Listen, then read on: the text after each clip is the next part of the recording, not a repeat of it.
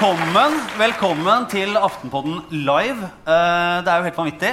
Ja. Eh, jeg, vet, jeg vet ikke, Det er jo uh, litt sånn når man sitter og prater inne i et rom hver uke, at det er litt vanskelig å forestille seg hva som er ute i verden. Ja, dette er veldig veldig vanskelig å forestille seg. Ja. Selv nå, faktisk. Akkurat her vi står nå. Og så tenkte jeg det er jo kanskje noen som ikke helt vet eh, hvem Altså Vi sitter jo bare og prater, så hvem som er hvem. Så jeg bare tenkte De fleste skjønner hvem du er, tror jeg, Lars. Men, Ja, nettopp. Ja, jeg får alltid høre ja, ja, du er han, han gutten i Aftenpodden. Da ble jeg, ja, ja, det er sant nok det. Så vi tenkte vi skal bare Hvis du ser sånn, så kjenner dere oss Må jeg stå- vanligvis. Må jeg stå litt sånn her, da? du står bak der, og jeg tar en slags selfie her, og så har Så har jeg 40 feber. Ja, Der. Er så, så Ingen vits å ta nytt bilde. Nei. Nei. Det bildet er så stygt. Ja, ja det, er, eh, det, det er faktisk Det er styggere enn intromusikken vår, som nå ble veldig fin. Ja. Ja. Men eh, vi tenkte vi bare høre Men det er jo kanskje noen som har vært med litt sånn hele veien. Så er det kan alle de som eh, Alle kan klappe som hørte den aller første episoden? Så her. Ok. For Det, da, det, var litt, det var faktisk overraskende det var overraskende mange. Ja, det var Det overraskende mange. lite grann. Men du, Fordi- de, de skal få en premie. Noen av de som Nei. Se her. Dette er ikke tull. Dette er ikke tull. Dette har vi fått, uh, Her. fått uh, hjelp til. Det kommer rett fra trykkpressen. Sånn uh, Var det flere? Oi, se her! Her, ja. Og en til, ja. Vi har veldig Vi har faktisk Det Dette er- har vi satt, Og det er mange som lyver på seg nå. Det er nydelig. Ja, det er Eh, flere muligheter. Flere eh, muligheter. Ta en bort på Det var noen her ute òg. Veldig viktig budskap. Det skjønner alle. Det er altså det er en, en T-skjorte med et hjerte og utredningsinstruksen, som jo er det eh, Trine Eilertsen synger for sine barn når de skal sovne hver kveld. Eh, Noen av oss syns dette er veldig rart, men bare Ja, len deg rolig ja. Tilbake og bare- det. observerer. Bli vant til det. Og så var det Nei, så var det, eh, det er det vi tenkte, bare for, å, for at ikke noen skal føle seg utafor, så kan, vi kan ikke alle de eh, som hørte den nå siste episoden, applaudere? Der, ja! Så hyggelig. Det kan hende noen skal få seinere Det, det kan være flere skal få. Men Men eh, hva er det vi pleier å si? Vi får nesten bare begynne. får nesten bare Eh, begynne. og også hvis det var noen som lurte, Det er Trine Eilertsen. Ja. Eh, det er Sara Sørheim. og Jeg heter Lars Lomnes. Så kan, jeg kan dra kjapt gjennom det som er kveldens eh, temaer. Eh, det blir litt, uh, litt metoo-oppsummering med en svensk aktualitetsknagg. Ingen stor overraskelse, kanskje, Nei, men nei, eh, nei. vi valgte å gå for det. Eh, Vi har ikke gått langt utafor boksen vår. Eh, og så blir det litt Arbeiderpartiet. For jeg, det er, altså jeg vet ikke om dere har hørt det, men det er, for, det er fortsatt Det vanskelig i fortsatt Arbeiderpartiet. vanskelig Arbeiderpartiet. Ja. Uh, og så blir det en uh, runde om venstrepopulisme. Ja. Det er, det er veldig det er sånn, ja, det er litt uh... Sykt tabloid ja, opplegg. ja, ja. Bare rigga det fullstendig for det. Og uh, til slutt en, uh, en runde med litt eh, politiske og ikke så politiske dilemmas. For det hadde vi bare lyst til å gjøre. Det kommer noen gjester etter hvert som vi gleder oss til å få inn. Men ærlig talt, vi må få snakke litt, vi òg. Ja, ja, Ja, vi må det. Eh, nei, altså Aktualitetsknoggen i Sverige Det var vel nå et, en drøy uke siden. Så kom Oppdrag granskning. Altså Det er svenskenes brennpunkt. Ja. Ja. Eh, de gikk inn i det som var svensk metoos store sak, egentlig. eh, mot den da kjenske, eh, kjente journalisten Fredrik Virtanen, som var kommentator i Aftonbladet. Eh, og så har de sett gått inn i pressedekningen. Og sett på det, fordi I Sverige så var det mer, det har vært hardere i klypa mot enkeltpersoner enn enn det man har vært i Norge. Og Grunnhistorien er da at eh, Virtanen ble først anklaget av eh, en annen sånn, var en influenser, en tidligere journalist. Ja, altså, det her det begynner å bli litt vanskelig. Dere må bare, bare tro oss når vi sier at liksom, en medieprofil. Altså, jeg klarer ikke å beskrive det bedre. En som er kjent for å være kjent. Og det mener jeg ikke sånn, men det er nå i sånn som verden har blitt, så er det veldig mange som bare er sånne profiler. Så jeg, faktisk, jeg er faktisk ikke helt sikker på hva hun begynte med. Men hun er en veldig kjent uh, kvinnelig samfunnsdebattant. I kjølvannet av de første liksom, Weinstein-anklagene så, så uh, gikk hun ut og fortalte at hun hadde blitt voldtatt, dopet ned og voldtatt av uh, Fredrik Virtanen. Og hun har vel Det skal ha skjedd da i 2006. Ja. Hun anmeldte det, og saken var vel omtalt på et vis i 2011. Uh, og nå ble han da offentlig navngitt. Og så går Oppdrag granskning inn og ser på hvordan andre medier uh, gikk inn i ytterligere saker der det kom påstander om at han hadde drevet med systematisk trakassering av til tider svært unge kvinner. Uh, og han ble jo en slags samfunnsfiende og mista jobben. Og Det var den store saken i svenskenes metoo-dekning. Men det var flere saker i Sverige. og i motsetning til i Norge så var uh, veldig mange av sakene i Sverige uh, basert på navngitte uh, aktører. da. Altså var menn som ble outa på sosiale medier med navn og en anklage. Og så ble det veldig sånn toneangivende for, for, diskusjonen og debatten som fulgte. Og noen av dem, sånn som Virtanen, mistet også da jobben sin. Ja. Og jeg anbefaler jo alle som, som, lytter og er her nå, å se den dokumentaren. For den er ganske fascinerende. Ja, og fordi også at den er, Det er under en uke siden den kom ut. Og det er akkurat nå eh, Jeg skal ikke si at jeg har full oversikt over alle debatter i hele Sverige, men sett fra denne stolen, det er det liksom alle snakker om. Den har fått veldig mye oppmerksomhet, og vi har også sett den. Ja, og Poenget er jo at mediene, anklagen og det som vel vises, er jo at mediene gikk langt, og de gikk lenger enn de normalt ville gjøre med tanke på presseetiske regler i å navngi basert på relativt lite informasjon og en del feil som også er gjort. Og det store spørsmålet blir jo da egentlig todelt. En er jo eh, altså, Hvor stort er det problemet som kommer fram i dokumentaren, og hvordan ser dere på det som er i den svenske metoo dekningen, sånn som det kom fram der? Det har, jo, det har jo vært et mye mye tøffere klima rundt eh, de enkeltsakene i Sverige enn det har vært her. Altså, vi fikk jo de første enkeltsakene ganske seint i metoo-løpet. Hvis vi tenker at det startet i september-oktober, og så begynte vi å nærme oss sånn årsskiftet. Da begynte vi å få de svære sakene i Norge, men i Sverige så gikk de rett på. Uh, og Det var navn som kom fra sosiale medier. Og det som er en del av uh, kritikken i den uh, dokumentaren, er jo at veldig etablerte medier som svensk SVT, eh, Svenska Dagbladet, Ekspressen altså De går liksom og kaster vekk vanlig kildekritikk når de løfter opp en del av de sakene. Eh, denne Virtanen-saken var anmeldt, etterforsket, henlagt. Uh, og i Norge ville vi nok hatt ekstremt høy terskel for å navngi etter at det var, var, forarbeidet. Men Det var den ene diskusjonen. Den andre var jo at mange av journalistene som jobbet med disse sakene, hadde jo liket og engasjert seg i metoo-ordskiftet. Dette er jo en av mine kjepphester. At uh, journalister driver og velter seg i likes i tide og utide. Og når det da kommer en sånn uh, granskning ja. som det gjorde her, det ser jo ikke bra ut. Ja, men det som jo også er uh, altså, okay, det er, vi, Dette er veldig mye. Vi må prøve å sortere litt liksom, de ulike. Ja. Men, men, jeg må bare si det med likes og det med rollen. Det er jo at Når det kommer sånne stemningsbølger som metoo Ikke bare en stemningsbølge, det er å ta altfor lett på det. Altså, det er en sosial revolusjon. Uh, og som, som, dere som hører på, oss, vet at jeg, altså, vi har veldig mye pent å si om det. Utfordringen er å skille da mellom når det skjer ting i samfunnet rundt deg som du personlig setter pris på og liker, og det å forstå akkurat hvis du er nyhetsjournalist, så er det noen andre regler å forholde seg til enn uh, egentlig alle andre. Bl.a. Uh, i forhold til hva du bør gå ut og aktivt støtte eller mene noe om. Da. Har, det vært, har det vært bedre i Norge? Kan vi, liksom, kan vi slå fast det?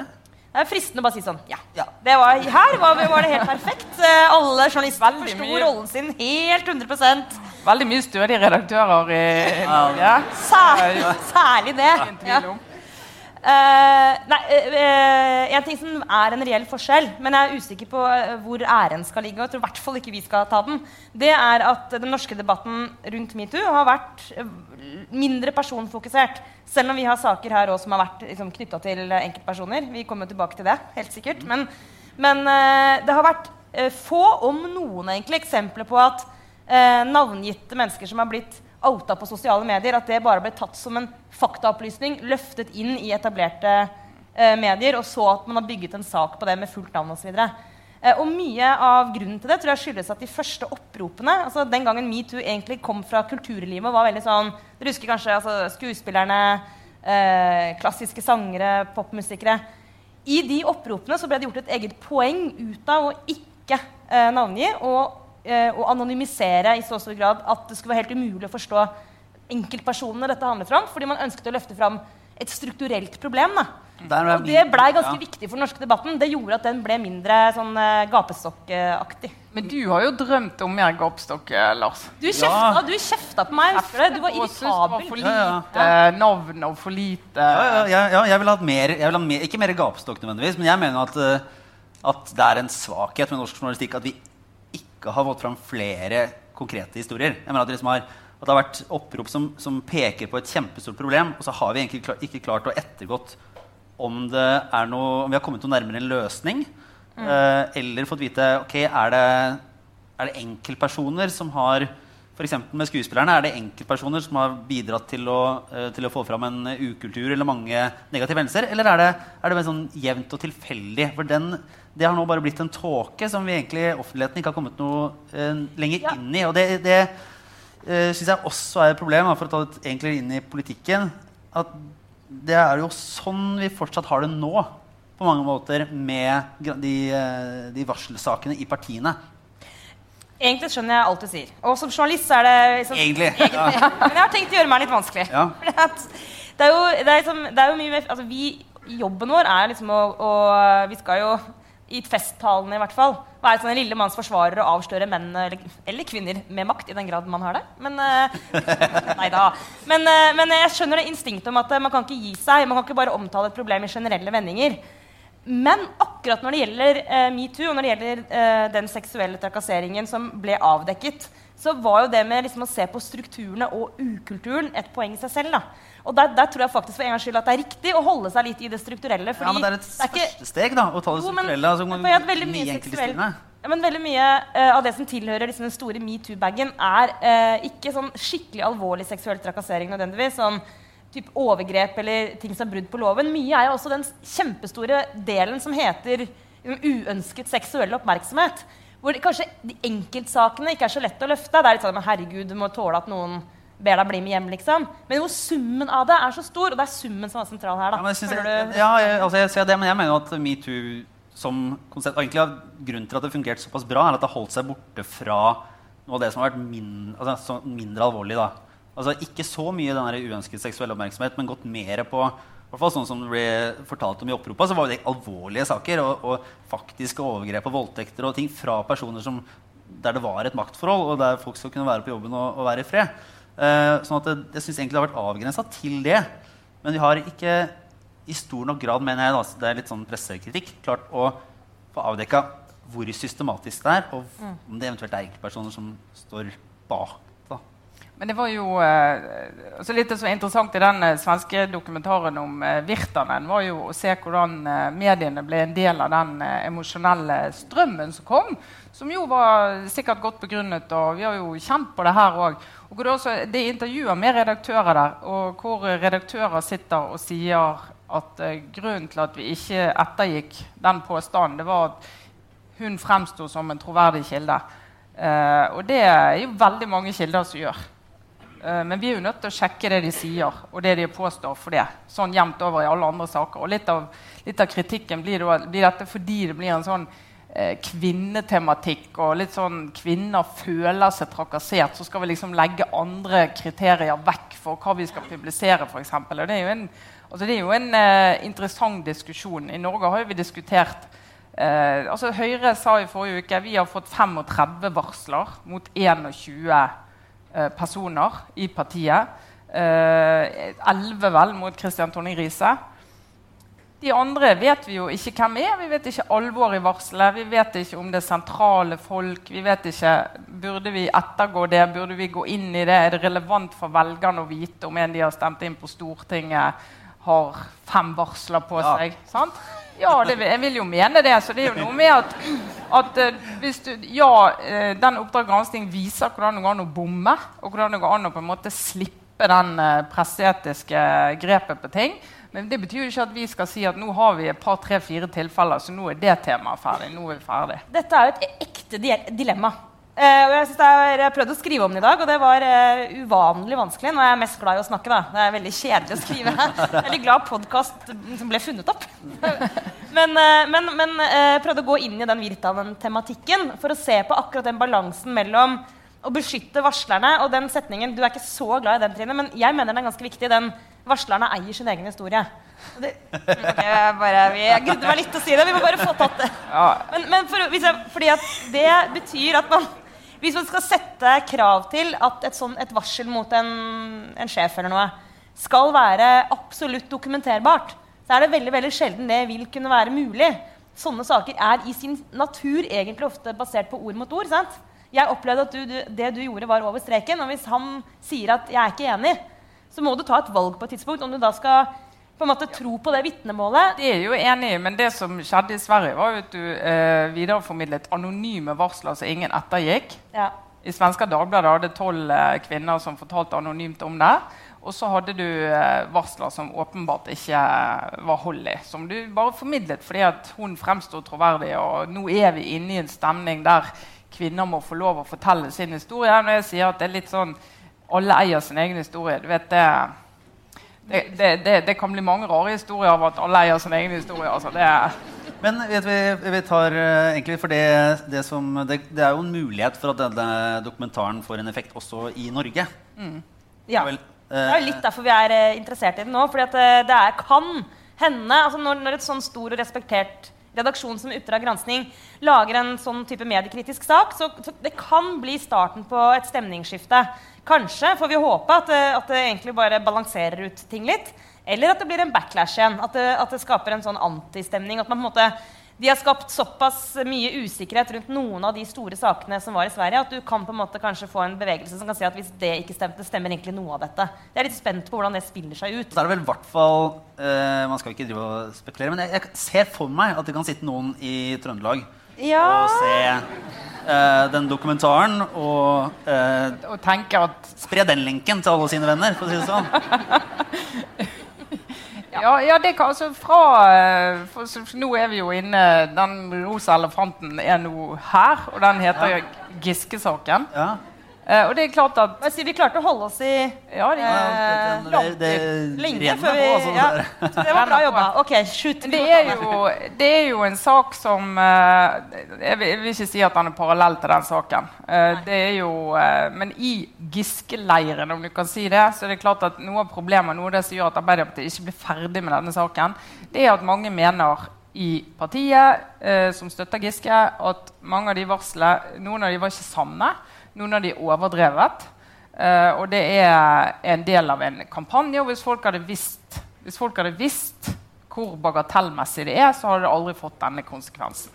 Og den, At den diskusjonen fremdeles foregår i partiet, det er noe av det som gjør at ønsket til Jonas Gahr Støre da han ble enig om eh, sentralstyret, at han skulle håndtere disse sakene, så var at han skulle eh, komme ut med et parti der kløften ikke var blitt bredere, men om ikke helt lukket, så i hvert fall litt smalere vi, vi, er jo her, sant? Det, jo, det gikk jo ikke. Nei, fordi det var jo bare et år uh, Vi har ikke så veldig mange multimediaelementer siden vi satser på Jeg vil si, det opp i, i Så få som det er mulig å ha. Egentlig. Audio.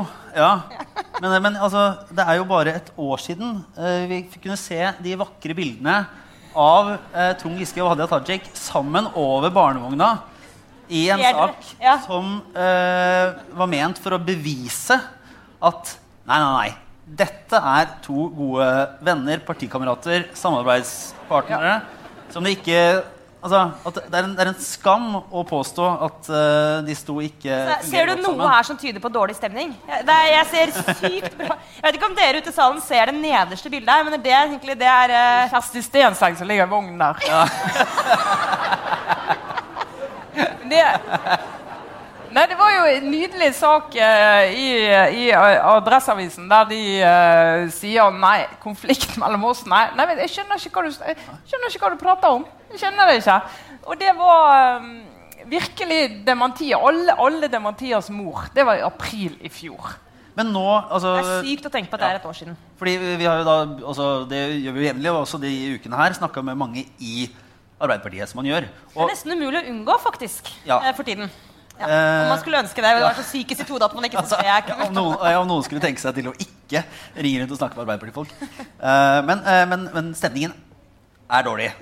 Dette er ikke noe sånn, nå er det ikke noe medieskapt eh, konflikt vi snakker om. Nei, nei det, det, det, begynte jo der med å si at det var medieskapt konflikt. Og så var det noen som holdt på med det langt ut på høsten. De tapte valget. Det ble litt sånn mm, Hadde vi feil strategi? Ja, medieskapt konflikt.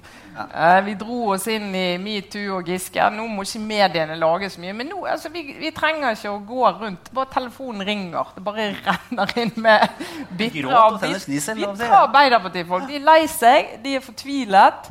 Uh, og det er, det er, ingen tillit å snakke om.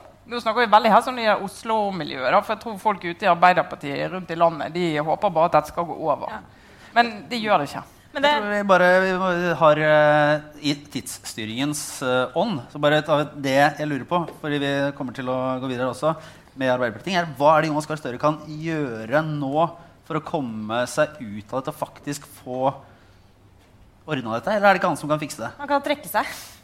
Oh. Nei, men altså, det, Jeg antar at det må være en del av eh, Jeg sier ikke at han, at han må det som at det er eneste løsning, men det begynner å bli ganske, mange, å bli ganske sånn få andre helt åpenbare alternativer i et uh, parti som uh, de, de, rutinerte i partiet sier at dette må bare brenne ut. Altså, Noen kriger er jo sånn. Det, blir, det hjelper ikke med fredsmegling. hjelper ikke med noen ting. Krigen må bare brenne ut. Alle må bli utmattet. De som skal dø, må dø. Og så må du bare starte på altså, nytt igjen. Veldig konstruktiv tilnærming. Ja, ja, men altså, hvem skal løse dette? Hvem, ingen kan megle. Ingen kan gå inn og si liksom, nå skal vi sette oss sammen, gå en tur med med, med babyen og snakke om det, det, det, det, er kjørt. Og det er, som i hvert fall rutinerte Ap-folk sier, vi har ingen vi har ingen annen leder. Du vet at det er litt sånn alarm når folk på ekte begynner å tenke sånn Er det noen sjanse for at Jens kan komme hjem? Det, det, og jeg, jeg, skjønner at de tenker det, men det er litt sånn, da vet du at det er på et sånt eh, på, på lærernivå. Ja. Men det som også er, og som er veldig sånn alvorlig for partiet, som jeg syns jeg senser mer og mer nå, det er jo at eh, veldig mange vil jo partiet vel. Men det synes ikke å prege de aktørene som akkurat nå slåss. Så det, etter hvert så, det er ganske mange folk som nå bare er eh, ja, du var inne på det, Trine, demotiverte, men også sånn grunnleggende lei seg. Fordi de ser at eh, noen av de som nå er i stridens kjerne her, de eh, har tydeligvis mista litt av syne det faktum at jo mer de fortsetter, jo, jo verre er det for partiet. Og det er jo, du kan mene så du kan mene at du selv har rett, men hvis du er så polariserende som det enkelte i partiet er nå, La meg nevne i fleng. Som hel, hele ledelsen. Ja. Så, så uh, er du beyond det punktet hvor du egentlig kan gjøre så veldig mye annet enn å kanskje la andre slippe til. Da. Men, uh, men altså, det der, og da, da, tenker jeg for de som virkelig ikke er en del av dette, men som er eh, tillitsvalgte eller velgere eller medlemmer eller, altså, Det er jo for dem forferdelig å se på at, at folk ikke lenger har partiets beste. det blir vel bare verre hvis uh, Jonas Gahr Støre skulle trekke seg nå. For da er det jo helt åpent felt. Det er jo ingen som Nei, jeg har ingen Hvordan skulle det, Da vil jo i hvert fall krigen til det brennes ut. Nei, Det blir neste podkast. Ja, ja. Men eh, ja, ja. Det, vi eh, tenkte egentlig at vi skulle få med oss et par eh, gjester. Takk. Kan du hilse til? Velkommen. Her er journalistisk. Skal ikke dere reise dere? Nei. Nei. Her jeg er den eneste med har grunnleggende respekt for politikere. Men ja. dere er litt blitt sånn avdanka. Altså, eh, Snorre Valen fra SV, velkommen. Takk. Og Torbjørn Røe Isaksen, Høyre, regjeringen. Velkommen.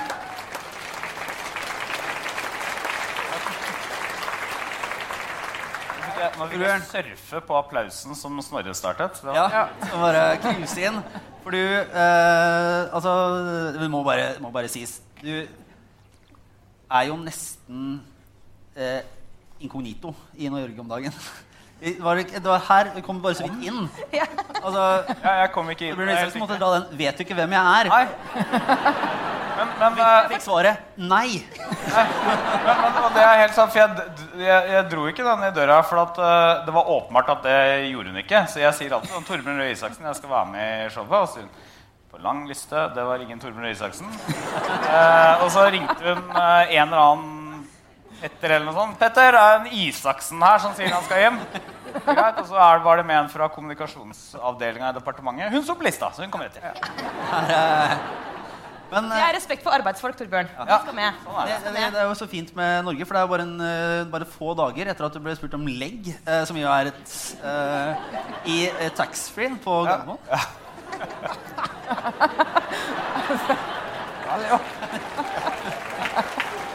Det er, det er helt sant. Og så la jeg det ut på For jeg spurte, jeg spurte sånn Ja, det er vel en rutine, dette rutinekontroll. Dette er jo du tilfeldig. Nei, det er ikke det. Så. Og så la jeg det ut på Instagram-profilen min. Og så kommenterte Snefrid, eh, som hun heter, som satt i kassa, skrev sånn Ante ikke hvem han var. Eh, spurte om legg. Har du babyface, så har du babyface.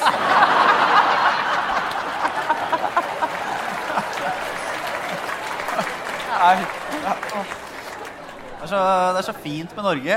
Det sånn, og så er det li- litt vanskelig å vite om det er en sånn genuin feil eller en sånn Fy fader, han er jævla Isaksen. Bare smelle igjen døra. Men eh, så hyggelig å ha deg her, eh, Snorre. Du er på en måte ned fra distriktene.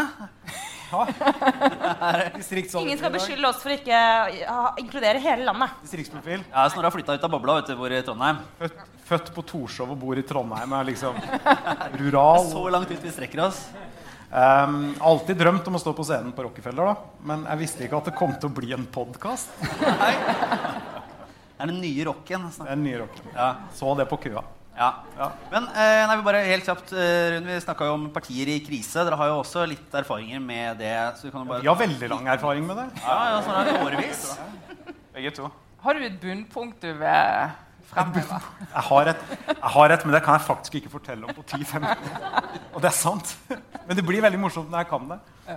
Ikke si, sitter du og sier at du skriver på en bok? Nei.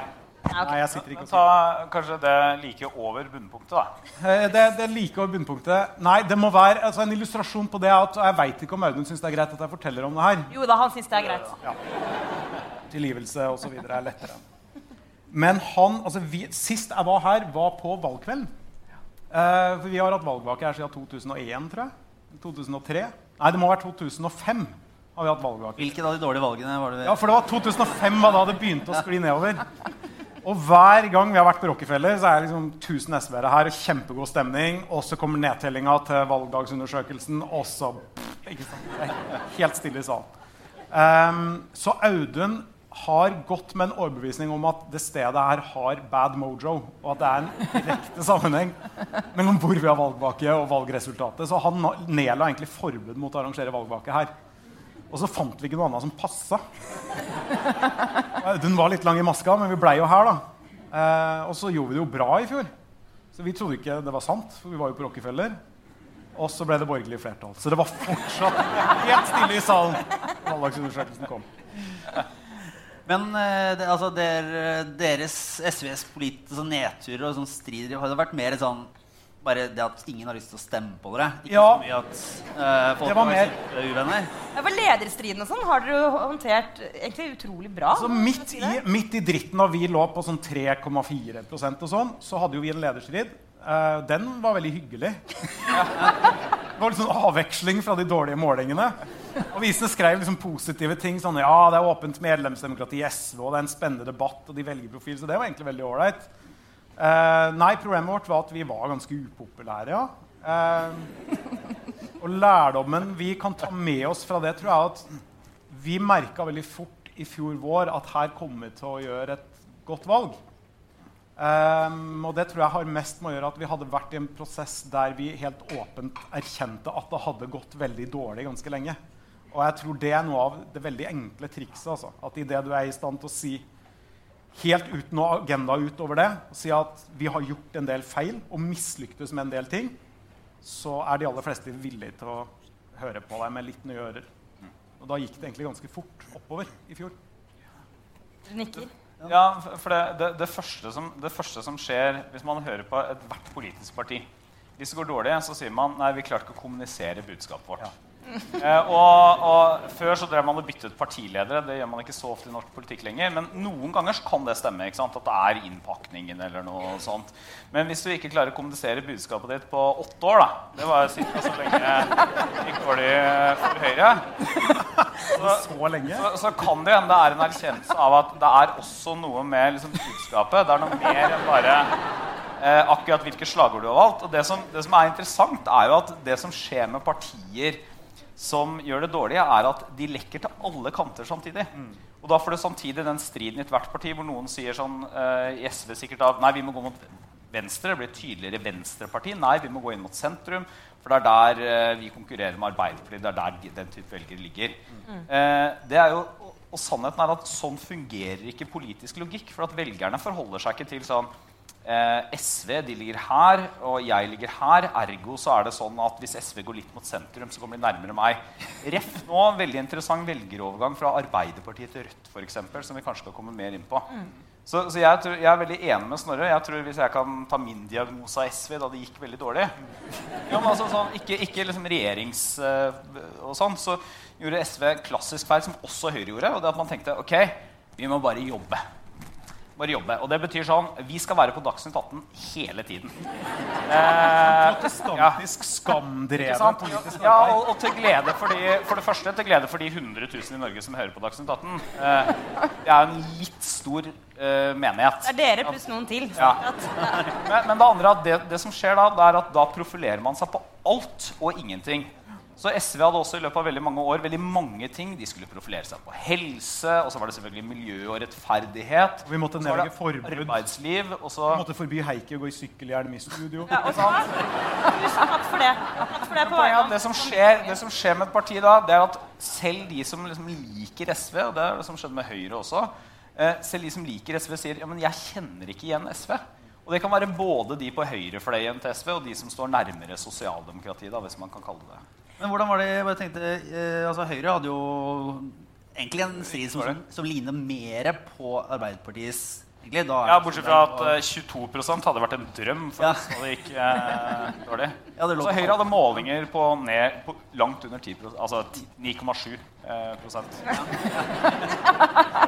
Midt under tid. Men, Ma- Matematikk så er men det er jo Kan du ta brøkdeler? Brøkdeler, så se det for deg som brøk. du, hadde du fire i matte? Fant du ut av det? Nei, jeg hadde Nei, jeg hadde ikke det. Men jeg hadde også sluttet med matte til første klasse. Sier noe om norsk skole under Hernes, da. Ja, det gjør det. Det er, burde ikke gå an. Det er ikke lov lenger nå. Du fikk jo muligheten til å gjøre noe med det en liten stund av livet ditt. da. Vet ikke om du fiksa det oppi det, eller? Hva da? Kunnskapsminister. Ja, altså, At det var, flere det skulle var, havne i ulykka som det var fiksa opp fra før. Det var det, ja. Men hva, dette er vel en digresjon. Okay. Nei, men La oss komme tilbake til det jeg faktisk kan om. Da. Eh, For en gangs skyld. men det, når, når du ser på Arbeiderpartiet, så Høyre kan jo på en måte bare lene seg tilbake og se partiet lide og blø og holder, målingene holder nivået, mens Arbeiderpartiet ja, løper inn og ut av studio uten å helt klare å markere seg. Koser du deg litt, eller syns du synd i dem? Det blir gærent uansett hva han Ja, sier. nå. eh, skal jeg si det helt, helt ærlige svaret. Også sånn, uh, For å ta den snille tingen først. da. Ikke sant? Det er sånn, I norsk politikk det er Snorre og jeg sitter på Stortinget sammen. Og det er jo tross alt sånn, altså Når folk har det de har det forferdelig på jobb. Ikke sant? Du ser at de er slitne, de er umotiverte. Det er masse som bare suger energi ut. Så er det ingen som er sånn Deilig å se at Det er noen som er sånn, men eh, ja. ja, eh, ja, ok. Ja, han der, ja. ja. Eh, Men, eh, men eh, så, så det, det, det er altså det er genuint Så, Så den siden av meg har vondt av det. Men samtidig så er det jo sånn at det, jeg, jeg liker jo at Arbeiderpartiet ikke vant valget. Selvfølgelig. Men jeg mener jo også for øvrig at sånn i sum da, så er det, det, er veldig, det er veldig farlig for norsk politikk hvis du skulle få en sånn type kollaps av Arbeiderpartiet. Altså Jeg mener at det er, jeg er jo en veldig jeg er tilhenger av jeg mener at det er sunt at vi har store partier til høyre og til venstre som er liksom helhetspartier, i motsetning til andre mindre partier. til venstre. Ingen nevnt, ingen glemt. Ja. For det, det, er jo, Men, men, altså, det- for, for det er jo litt den der striden som nå går, eh, som dere begge har vært inne på nå. altså i Arbeiderpartiet, De kommer ikke unna det. den der, hvor, Hva skal de gjøre? Skal de flytte seg til venstre? Eller skal de liksom gå tilbake til det fornuftige og være det fornuftige styringspartiet? Men jeg tror veldig Jeg liker, jeg liker den motsetningen mellom bevege seg til venstre eller være et fornuftig styringsparti. Det er, eh, Det var helt veldig nøytralt eh, beskrevet. Veldig balansert, åpent spørsmål. Ja. fra Tony Blair til Ja, det var, i hvert fall- det var et spørsmål, da, i det minste. Nei, jeg tror, jeg tror det er liksom lett å veksle årsak og, og virkning. Man diskuterer sånne ting. Det er to år siden Arbeiderpartiet hadde 40% i snitt. og Jonas Gahr Støre var kanonisert. Eh, og alle var enige om at Rødt aldri kom, kom, til å komme inn på Stortinget, og SV var ferdig. Eh, og Erna fikk bare fire år. Så, så det er, ting er selvfølge veldig lenge, og så plutselig slutter det å være selvfølge. Og ofte så har jo de forandringene med dype utviklingstrekk i samfunnet, også internasjonalt, som partiene enten prøver å bortforklare hvis det rammer dem, eller tar æra for hvis de tjener på det. Og det er jo veldig lett for, for meg nå, nå, Jeg sa Da jeg ble nestleder i november 2015, eh, så sa jeg i et intervju med NTB at mitt mål er at vi i løpet av et par år skal doble oppslutninga. Og folk blir jo helt stressa av det, ikke sant? for vi lå på 3,9. Det er en ganske teit ting å si, for du blir målt på det. ikke sant? Eh, og nå kan jeg da sitte og si at jeg fikk 8,5 på måling i morges. Jeg, jeg lyktes med min plan og sånn, men sannheten er jo at deg i Trøndelag? Med å gjemme meg i Trøndelag. Så det, det, øyeblikket jeg bestemte meg for ikke til gjenvalg, så begynte vi å gjøre det bedre på målingene. Jeg og Heikki og Bård Vegar må sies. Nei, men det er vel fram til at eh, det er ofte sånn når du står midt i en valgkamp, at du føler at du egentlig kunne ha sittet hjemme og spilt Xbox hele valgkampen, og det hadde ikke påvirka utfallet. Når, jo, men det er sant, fordi når du er i en dårlig valgkamp, så blir det dritt uansett hva du prøver på. Vi hadde en sånn SV-buss. ikke sant? Den bensindrevne, forurensende SV-bussen. Og Vi ja. åpna en valgkamp med den, og så ble det gjort hærverk på den i en eller annen by i Finnmark. Og samme dag hadde vi en måling på 1,7 i NRK. Da spiller det ingen rolle hvor, hvor, happy de folka på den bussen er, hvor mange løpesedler de deler ut. og sånn. Men samme når det går bra. Da er det jo sånn at folk sier mm, ah, uansett hva du sier. Og, og, og partilæreren får gode karakterer på TV. og sånn.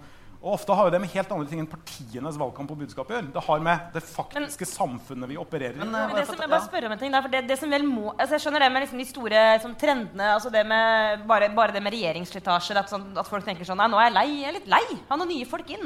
Altså Som ikke har noe med politikk å gjøre, nesten. altså da som velger men, men bare, Dere vil liksom ha alle andre forklaringer på politisk utvikling enn liksom, utvikling i økonomi og sosiale strukturer. Altså, det er, sånn, nei, det er budskap og det er nei, nei, nei, Spørsmålet mitt nå var helt ja. sånn bare på altså, det, jeg, altså, det er vanskelig å forklare hva som slår inn.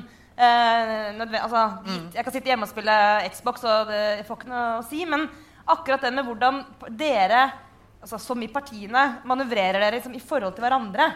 Eh, altså, når ja. Høyre Torbjørn, det er vel riktig å si, beveget seg liksom, i retning det sosialdemokratiske i sånn, måte å snakke på, måte å resonnere på og sånn, så, så man, da tok de opp en plass som nå er, altså Det har blitt mindre plass til den siden av Arbeiderpartiet. Så jeg kanskje ikke velgerne opplever det, men det taktiske spillet der, hvor man liksom de diskusjonene må man jo ha internt. sånn Skal vi flytte oss strategisk for å ta ja. plass? Som nå tenker dere at nå skal dere gå inn og ta plassen som Jonas vil ha? liksom? Ja, altså, men, men, men for det første da, så, så er det, sant, det, det åpenbare med Arbeiderpartiet er jo at det som river det mest, er interne konflikter. Så det, det, er ikke, det, er ikke, til å komme unna. En stor del av problemet til Arbeiderpartiet er at de slåss seg imellom. Det ser man det, hver eneste dag i media. Og så er punkt to, og det er jo fordi de bruker så mye tid sannsynligvis da, på interne konflikter, så får de ikke adressert det som er det største politiske problemet deres. Nemlig at veldig mange sier vi oppfatter ikke hva Arbeiderpartiet vil, og vi kjenner ikke igjen partiet vårt. Og det er da både de som er liksom det såkalte styringsarbeiderpartiet, og folk som kanskje er lenger til venstre i partiet. Selv om det ikke er noen klare skiller der. Og så er det tredje tingen, og det tror jeg SV vil være, eh, eller Snorre vil være enig med meg i. det er at Ren sånn taktisk manøvrering det, det, det, kommer du ikke så veldig langt med. Erkjennelsen, altså Høyre gjorde det skikkelig dårlig skikkelig lenge. Erna Solberg var utskjelt. Hun var så langt fra å bli kasta. Alle mente hun var kjedelig, dum, grå. Eh, mange av Høyres eh, liksom mest uspiselige kjernevelgere mente at hun var så ufjølg i kroppsfasong og ikke sant, brukte det mot henne. Fjølg? Ja, ikke sant. Ufjølg. Har du ikke hørt det før? Nei. Ufjølg. Det ikke bra ut, da. Var det det jeg mente? Det det betyr. Så, så eh, ikke sant? Og det, det nytter ikke da å si sånn ja, men taktisk så må vi legge oss opp mot sosialdemokratiet eller legge oss inn mot sentrum. Erkjennelsen er Eh, den største erkjennelsen Høyre har gjort, det er Høyre må være et parti for Norge i dag. Høyre er ikke for at Norge skal bli som USA.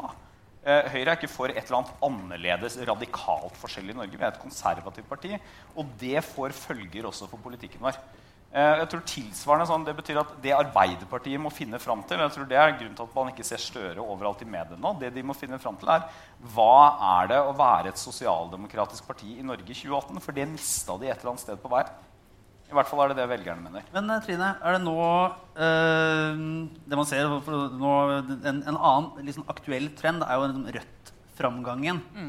Og den øh, forsøken på å snakke fram en sånn venstrepopulisme litt i møte med det som har blitt sett på som en, en høyrepopulisme, eller som er en høyrepopulisme i, i eh, særlige deler av, av verden. Tror du, er det, man, er det da en sånn samfunnsendring eller en bølge som bare kommer til å altså en utvikling som kommer til å fortsette? Eller tror du, hvordan ser du for deg at det utvikler seg? egentlig? Altså det, det, er jo litt spørsmålet Hvor kommer det fra? Der tror jeg jo eh, Snorre inne på altså Hovedforklaringen er jo endringer i altså samfunnet, i strukturer, i økonomi.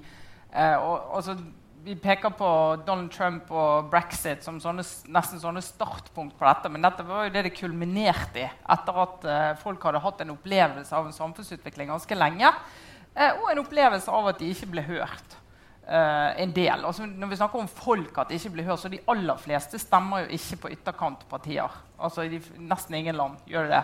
Uh, og i hvert fall ikke i Norge. Men det er klart at uh, når Rødt kommer inn sånn som de gjør, så er det selvfølgelig en av forklaringene er jo at Arbeiderpartiet ikke virker. Men en av grunnene til at Arbeiderpartiet ikke virker, er at de ikke klarer å, å formulere troverdige svar på en del av de problemstillingene som SV klarte veldig godt i valgkampen å, å løfte frem. Og så Rødt har klart å altså de, Rødt har én mann på Stortinget har jo markert seg nesten like godt som eh, de fleste andre partiene i den perioden. Så han har liksom valgt noen saker og sagt at her skal vi gå inn. Her har vi veldig tydelige, konkrete svar.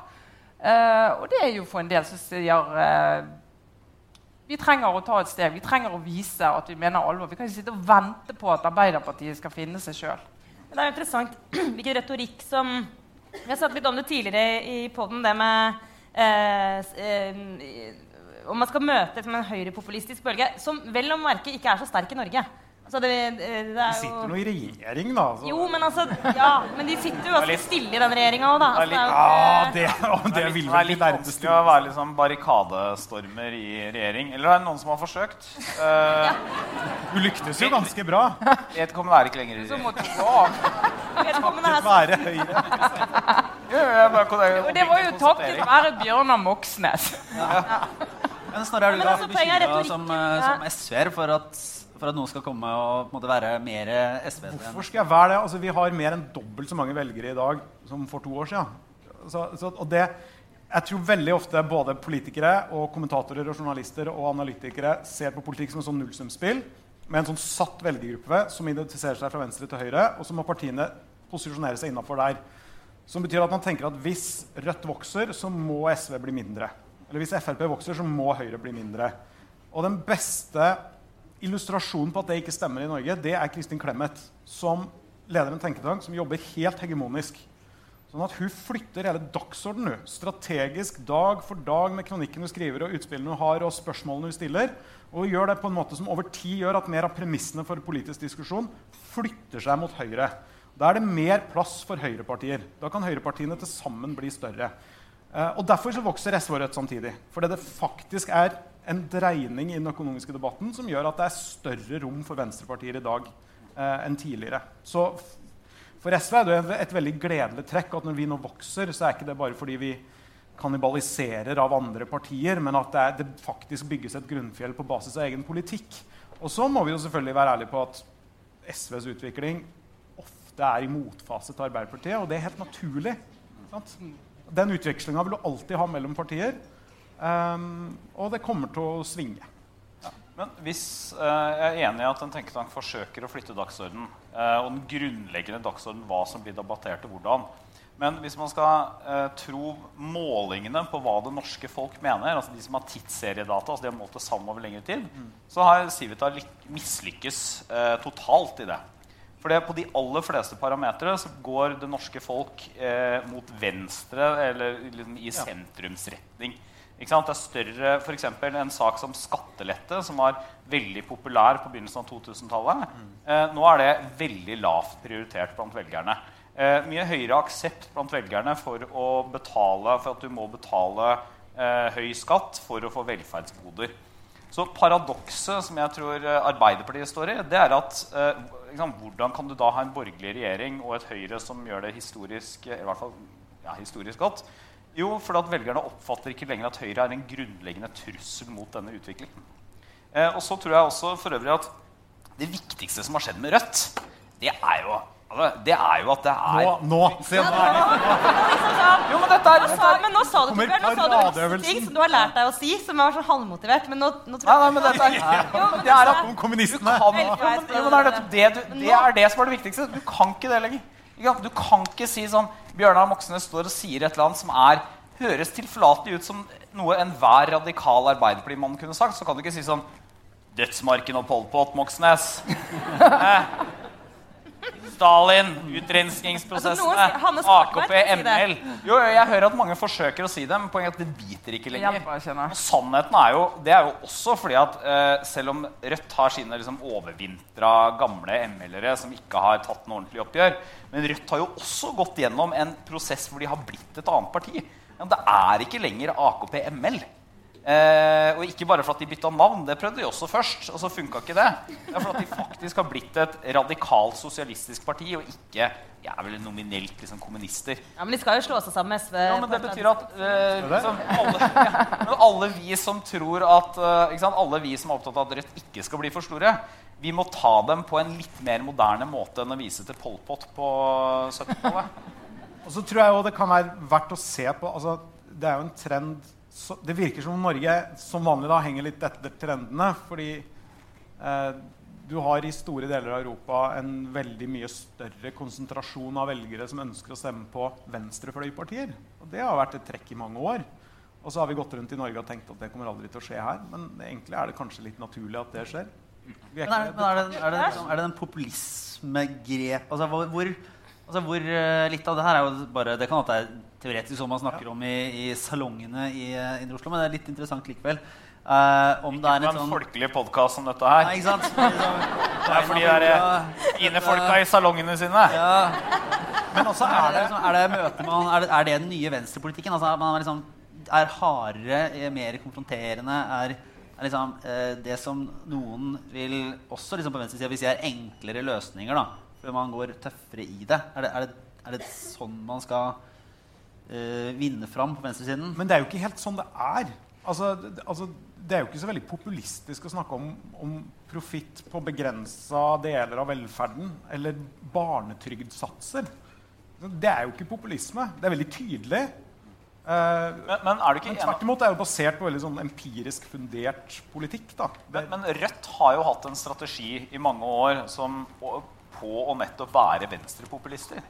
Eh, altså I hvert fall så har det Jeg hører hvis man mange følger med på sier den det, liksom, ja. interne debatten i Rødt i Klassekampen og liksom strategirådene de får der og sånn, så har jeg oppfatter det i som Rødt har en veldig klar strategi om å være venstre. Og det, for, ja, men det foregår jo en diskusjon også på uh, deler av venstresiden i Norge og Sverige som handler om å på en måte gjøre venstrepopulisme til et positivt lada begrep.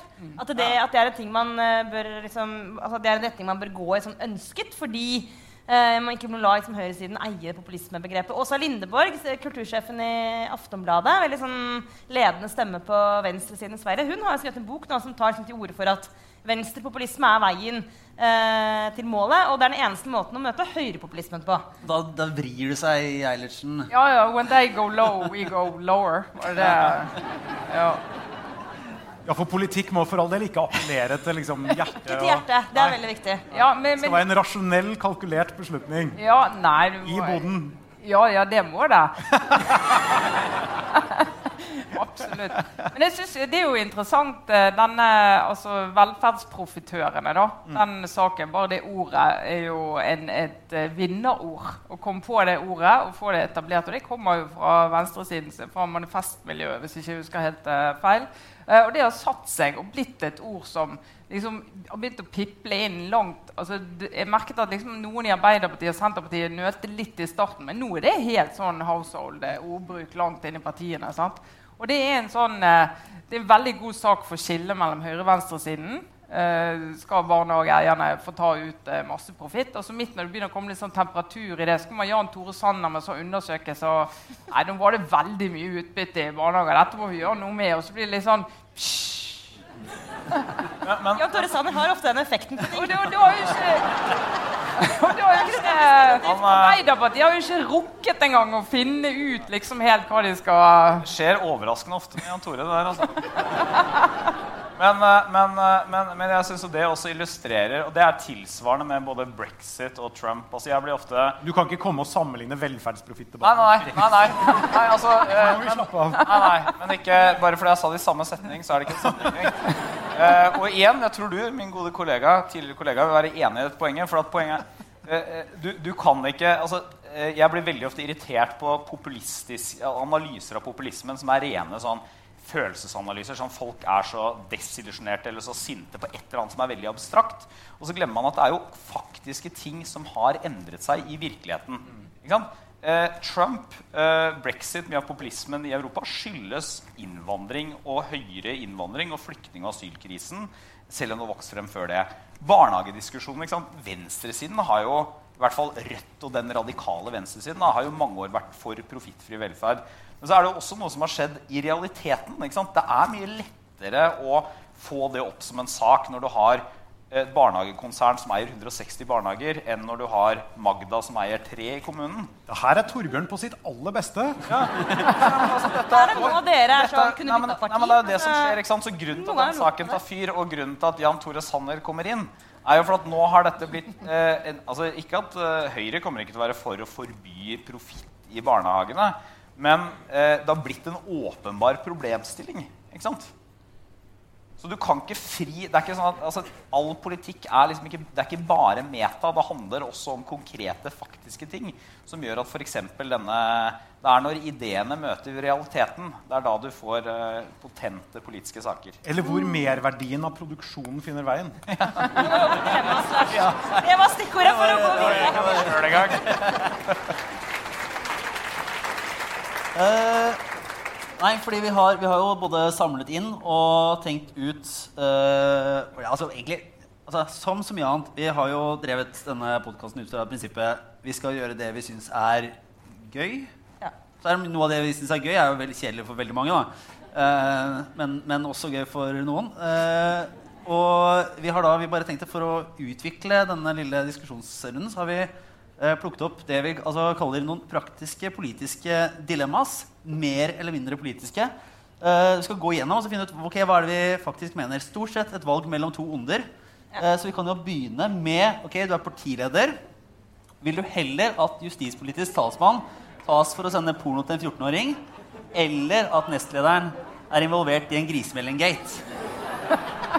Det er et litt langt dilemma. Begynner med gjestene. Men vi får, eh, Det det var med gjestene, ja. ja, som, som partileder, Torbjørn Isaksen. ja. Men uh, dette dilemmaet Det er et teoretisk Ja, jeg, dilemma. Helt, et helt, helt teoretisk dilemma kunne aldri skjedd i norsk politikk på den måten. Men uh, det svikter en helt grunnleggende dilemma teoretisk. For det er at det skal være likevekt mellom de to alternativene i dilemmaene. Og her er det veldig tungt på den ene siden. Du mener at det ene er en helt grei ting? Ja, du, mener, du mener det er her, åpenbart. og nå skal jeg, her er, her er, her er helt, det er helt åpenbart. Altså, eh, det er eh, verre og, altså, Porno til en 14-åring eh, vil være straffbart. Åpenbart verre. Og når det i tillegg da er justispolitisk talsmann, altså en som da er på Stortinget, eh, så har det, er den åpenbart den du vil velge bort. Og du vil heller at nestlederen er involvert i en grisemelding-gate. Er ikke, straffbare forhold. Da, at det er med Ja, ja. Det er nestleder, da. Jo, det er nestleder. Men det er jo ikke optimalt. Snorre er, altså, er nestleder. Når så du Snorre sist, liksom? Er, Gudene vet hva han driver med. Snorre ble i sist sett i et rekkehus oppe i Trøndelag. Det er ikke som har Snorre på et år. Men det er i Trøndelag. Men er det, er, det, men, er det så åpenbart? Nei. Eller, jo, på jo, nei, men altså, en ting som gjør det lettere med den eh, altså Den første, den der eh, justispolitisk talsmann, den er jo veldig fort kvittert ut. Altså, Den blir du kvitt, den saken. Den er så åpenbar. altså Det er ulovlig. Du kan ikke, altså, som partileder så er jo den saken over. Det skjer. Fra et håndteringsperspektiv, ja. Fra et håndterings... Mitt, ofte mitt perspektiv. Håndteringsperspektivet. Så, eh, Særlig hvis ingen husker noe, hjelper jo veldig. ja.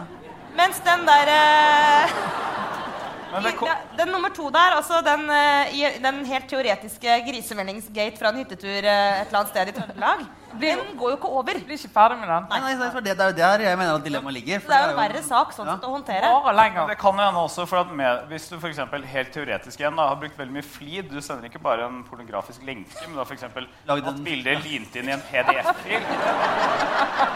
Eh, som en slags patchwork. Kan, eller collage, heter det. Ja, collage, ja. Så det er klart, det ligger jo mer flid bak dette, teoretisk sett, enn en uh, grisemeldinggate. da. Ja. Men på den annen side, i og med at den gri- eh, Det kan ligge veldig mye konsentrasjon bak å få den grisemeldingen ferdigfritt stavet klokken 00.25 Ja. uh, i den teoretiske saken vi snakker om nå. Ja, ja, ja. Var det det klokkeslettet det ble sendt? altså fordi at Har du memorert? Ja, ja, ja. Ja, ja. ja, alt ved denne saken, alt ved denne saken er Men, interessant. men men er egentlig bare er den, er, Du er helt enig? Vi, vi konkluderer ganske kjapt der. For vi har, eh, vi har det er, altså Merkelig nok det er flere andre vanskelige situasjoner i norsk politikk. Uh, så vi kan jo gå på den her, da, som også er litt lang. Men altså, vil du heller ha da en partisekretær som glemmer at ekspartilederen har fått en grov sexmelding? Eller vil du ha en partisekretær som etterlyser klokheten til nestlederen, som nettopp måtte gå for brudd på partiets regler mot trakassering? Er du glad du slutta på Stortinget? Jeg syns, jeg syns det er litt sånn her Sodoma og Gomorra-tilstand. Ja. jeg var i en debatt et, altså I forbindelse med mistilliten mot Listhaug så gjorde jeg en sånn rare appearance da, i offentligheten på Politisk kvarter. Og så snakket jeg på forhånd, og så snakker jo alltid da med programlederen går igjennom liksom, hva kommer du til å spørre om i debatten. og sånn. Er det sånn de gjør det der? Ja. Mens her blir vi jo grilla. Um, og da snakka vi om det at, at det skjer så mye så fort. Og da nevnte programlederen at jo, det er jo bare ti dager siden stortingspresidenten måtte gå av for første gang i moderne historie. Og det hadde alle allerede glemt. Grunnen av sånne ting som det Altså, her. du, altså, du, mener, du mener at det er helt naturlig for, den, for en partisekretær å glemme at eh, ekspartilederen har fått en grisemelding? For det, det er så mye som skjer. Sånn sett så mener jeg at det er Ja, jeg, jeg, jeg mener den er bedre. Jeg mener jeg ville heller, Og den partisekretæren er det jo ingen ikke så mange i hvert fall, som er så sur på som den andre partisekretæren. K- Kan du se for deg? Ja, jeg ville at, først, jeg ville at førstnevnte Nå må jeg være veldig forsiktig, merker jeg. Det er jo bare et tenkt dilemma. Ja, det er bare et ta det på al- alvor. Reis deg. Ja. Eh, uh, ok, vil du bare lese nettbloggen til Fotballfrue? Altså vi får all informasjon da, fra enten bloggen får til all, All informasjon. og jeg trodde at du måtte velge en av bloggene. Nei, nei. Men det Da er det verre. For all informasjon om samfunnet skal du enten få fra bloggen til Fotballfrue, altså Karoline Berg Eriksen. Eh, Sara Sørheim er jo ikke så langt unna dette allerede. Hun er jo- perioder av mitt liv har jeg, kan jeg identifisere meg med den ene delen av dette dilemmaet. Eller bare da bloggen til Pål Steigan, eh, venstresidens ytterste utpost. Mørkeste stedet på internett, faktisk. Og det, jeg, jeg, kom på et par til, men Ja, det fins mye mørkere blogger. ja, jeg, Unnskyld. Ja, jeg, det. akkurat det var faktisk under beltestedet. Det, Ja. det Men, ut eh, senere men, her. eh, men samtidig så er jo, det er jo veldig lyst hos fotballfrue. Eh, det man blir jo blendet eh, nesten hvis ikke det Hvordan vet du det? Jeg har lest fotball. Eh, jeg har lest fotballfrue. Jeg, og dessuten så bodde hun i Siljan i Telemark. For det er han mannen som hun er gift med, som jo er en fotballspiller. Så fotballfruemannen? ingen vet- Ja, som ingen vet Ingen hvem er. husker navnet på Eh, la oss være helt ærlige. Han spilte på Odd, i hvert fall. Men, eh, men eh, det, altså, det er egentlig vil eh, ja, Trine Eilertsen. Um, nei, jeg, jeg ville jeg ville kjørt Pål Steigan, ja. Ja, det ville jeg. Ja, ja, ja. Helt klart. Hvorfor, eh, skal, skal ikke hun begrunne det? Jo, jo. Nei. Nei. Det er en av de tingene som Trine kan si sånn Det er fordi det er sånn. Ja, ok. Uh, okay da kjører vi på. Uh, vil du alltid gå med uh, Good Journey-trøya til Per Sandberg? Altså alltid. Til enhver tid. Eller vil du gå i shortsen og singleten til Erling Folkvord hver gang du skal på TV?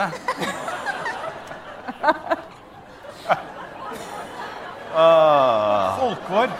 Så I teorien så kan du slutte å gå- være på TV. Ikke bare i teorien. Ja, I praksis, da. For jeg, ja. Det er veldig lett. Altså, for, du kan jo gå rundt hjemme og surre rundt i den shortsen og aldri være på TV. Jeg har en short som er helt lik. Det er kanskje det du gjør, faktisk. Ja. Men singlet, for da slipper du å rest... Og for det er en ting man alltid bekymrer seg for hvis man er politiker og skal på TV. Det er svetteringer. Ja. Skrekken er svetteringer. Så løsningen Ja, det... er singlet. Det, For det, ikke, det, det fins ikke svetteringer. dette er også litt eh, hva heter det, sånn kroppsistisk eller noe sånt. For at, eh, det, du er jo så slank, så sånn manboobs er også en bekymring. Eh, for en del av oss. Eh, og det singlet gjør ikke så mye for det. Men det går an å bruke gaffateip under. Ja, ja. Skal vi liksom skal vi gå ned den samme smertefulle veien som uh, Kvinner. Altså, ja, ja, her har kvinner prøvd å fri seg fra Det foregår jo at et, skjønnhetstyranni. Men det blir. T-skjorte, da, Torbjørn. Ja, det blir nok T-skjorte. Kan jeg bare si én ting? Som, uh, hvis jeg skal virkelig sånn provosere og bli, eh, gjøre mange av mine venner i Oslo sure Så alle de vennene dine som ikke stemmer Høyre, som bor Ja, det er jo de fleste, da. Ja, det er akkurat det. Eh, så, så sier jeg at Per Sandberg er den personen jeg vet om hvor det er størst forskjell på hvordan en del folk oppfatter han, eller la oss være ærlig, veldig mange folk eh, oppfatter han, og sånn han er i virkeligheten. Men sånn er jo de fleste på Stortinget. Ja, men jeg kjenner folk hvor det er mindre altså sånn, Jan Tore Sanner, det er ikke så stor forskjell hvordan han blir oppfatta, hvordan han er. Ja. Men, uh, Hareide er jo f.eks. skikkelig bøff. Ja. Hva? Hva? Hæ? Jo, han er det. Han er det. Okay, nå Har du spilt fotball med Knut Arild Hareide? Han er sprek. Nei, Han er han er, er sterk og stram.